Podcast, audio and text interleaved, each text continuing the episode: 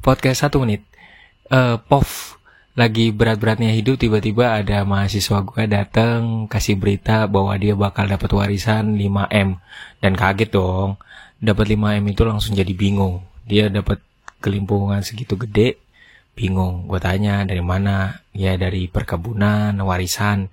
Terus kemudian mau lo apain? Nggak mau dimasukin saham? Gue saranin ya uh, gue uh, gue termasuk orang yang um, sangat hati-hati banget dalam berinvest. Jangan langsung gegabah, menang-menang kita dapat banyak, langsung kita masukin semuanya ke saham atau ke tempat-tempat yang terlalu beresiko untuk kita. Jadi taruhlah di tempat yang paling aman.